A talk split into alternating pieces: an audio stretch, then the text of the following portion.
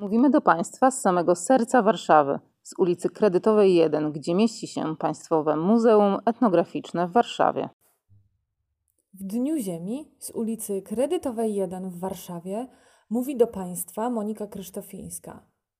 Otrzymujemy doniesienia z całego kraju oraz z całego świata. Rząd nie wydał w tej sprawie żadnego oświadczenia. Tu w stolicy wyczuwa się niepokój i zaciekawienie, ale nie ma żadnych zewnętrznych objawów paniki. W gruncie rzeczy życie toczy się normalnie.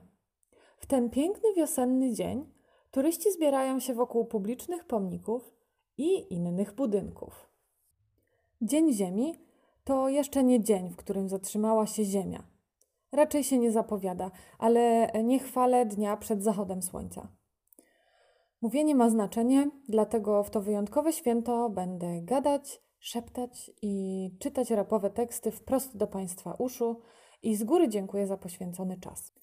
W 1969 roku, w trakcie trwania konferencji UNESCO, John McConnell proponuje, by rozpocząć na całym świecie rokroczne obchody Dnia Ziemi. Takie propozycje to w pewnym sensie znak. Nie było tak, że John obudził się pewnego dnia i jako pierwszy uznał, że planeta jest warta zadbania i może taki specjalny, wyjątkowy dzień dałby ludziom do myślenia. Byłby pretekstem do mówienia o wpływie ludzi na przyrodę i sprawiłby, że czulibyśmy się bardziej odpowiedzialni za środowisko naturalne, powiedział John. Nie, John tak nie powiedział. Tak zakładam. E, propozycja Johna była efektem pewnego procesu. I w czasie, gdy rozwijały się koncepcje ochrony środowiska, w społeczeństwach działy się też inne, równie ważne procesy. Druga wojna światowa była wydarzeniem globalnym i do szpiku traumatycznym dla masy ludzi. Oczekiwanie na koniec było codziennością. Znacie to skąd? Wiemy, że życie w poczuciu zagrożenia i w obliczu niepewności jest wymagające i trudne. Widzimy konsekwencje izolacji, radzimy sobie lub nie ze zmianami codziennego życia, planujemy inaczej, boimy się i doświadczamy tego bezpośrednio, na własnej skórze, nie z książek. Te 80 lat temu, tak jak i dziś, oczekiwano końca i koniec wojny nadszedł. I można się było wreszcie cieszyć i odrabiać straty. W konsekwencji następuje boom konsumpcji. Na YouTubie można obejrzeć piękne amerykańskie kroniki dokumentujące te czasy. Ludzie stojący w kolejkach z kolorowymi sprzętami domowymi z bakelitu, w nowych, większych domach, w lśniących, bardzo zachodnich samochodach, na bardzo amerykańskich autostradach. Nowy raj. Wreszcie. Tak to jeszcze nie było. Lepiej, wygodniej, modniej. Każdy kryzys, każdy problem jest wyzwaniem, szansą.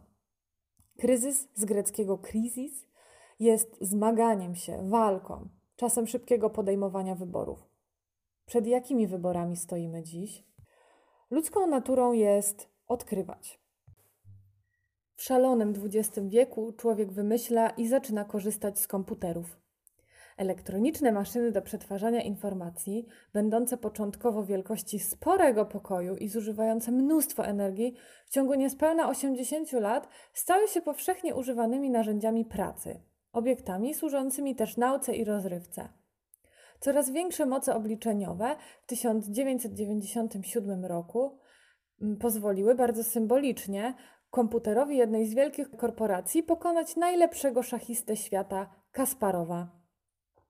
Rozwój technologii pociągnął za sobą powstawanie kolejnych niezwykłych pomysłów.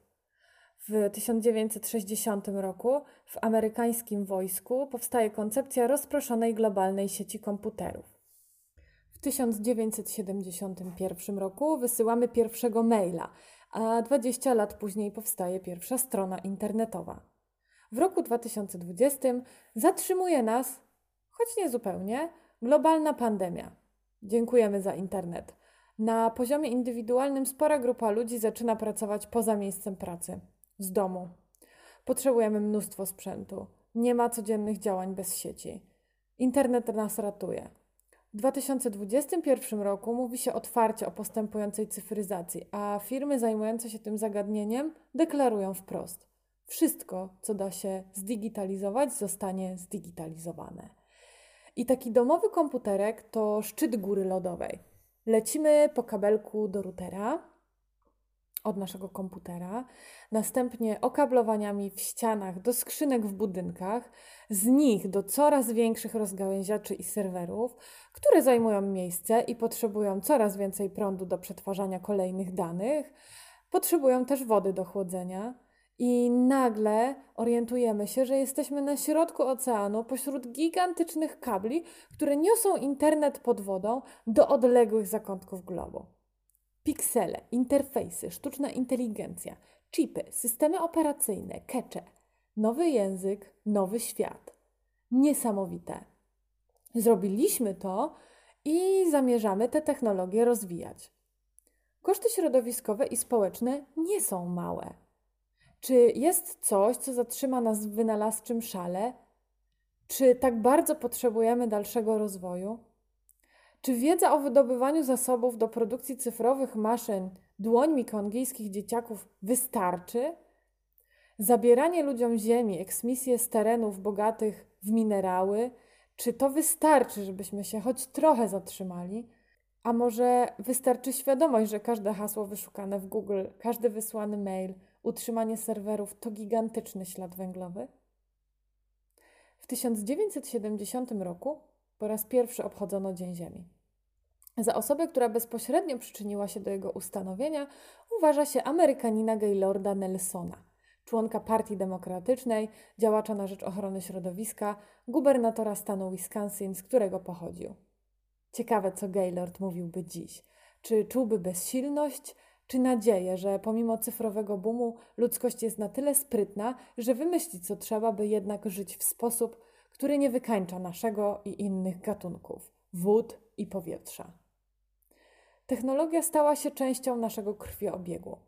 Zbieramy dane o nas samych w ilości, której nie śniło się badaczom jeszcze dwa wieki temu. Robotyzujemy pracę, żyjemy przez internet, kontrolujemy procesy za pomocą telefonów. Mamy malutkie narzędzia, które pozwalają nam sprawdzać stan naszego ciała i wielkie maszyny, które pozwalają medycynie na nieprawdopodobny postęp. Mamy domy i urządzenia AGD w stylu smart, budujemy społeczności grając w gry. Jesteśmy sceptyczni wobec tego, ale maksymalizujemy zyski. Czy da się połączyć rewolucję cyfrową z zadaniami, które stoją przed nami w obliczu zmian klimatycznych? Jak myślisz? Piotr Górny, znany również jako Don Góralesco, DJ Dziadzior, Dziadzia Giovanni, osieroconych płyt selektor oraz mesjasz rapu, polski raper i przedsiębiorca w utworze Dzień, w którym zatrzymała się Ziemia, rapował. Stań na momencik, poczuj.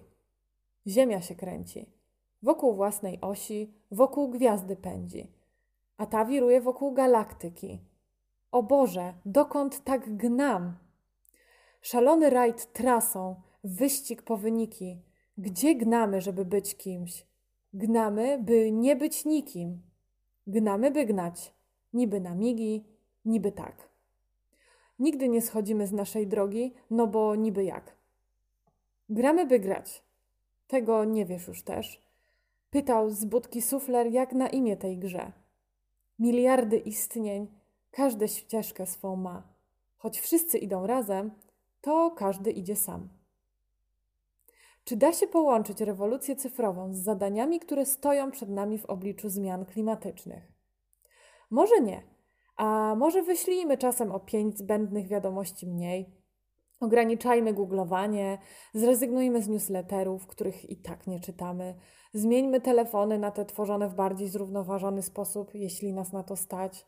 Nie wyrzucajmy y, miliona fotek na Facebooka i Instagrama Głupie filmiki obejrzmy w mniejszej rozdzielczości. Poświęćmy chwilę na refleksję o tym, jak działają największe firmy z obszaru internetu i cyfryzacji. Zastanówmy się, co jest ich motywacją. Niech to będzie namysł dla planety z okazji Dnia Ziemi. W 1969 roku wykonano gest. Chodźcie ludzie, zacznijmy obchodzić Dzień Ziemi, co wy na to? I okazało się, że ludzie na to jak na lato. I na pewno nie było tak, że John wstał i wiedział. Było wielu przed nim, którzy powiedzieli, że przyroda jest ważna. Przyroda jest wartością dla wielu. Możesz to powiedzieć i to coś znaczy. Co dalej? Uczmy się, Zgłębiajmy problemy, kwestionujmy, działajmy. Z posypką cierpliwości, o której mówią, że jest cnotą. Wysłuchali Państwo podcastu Państwowego Muzeum Etnograficznego w Warszawie.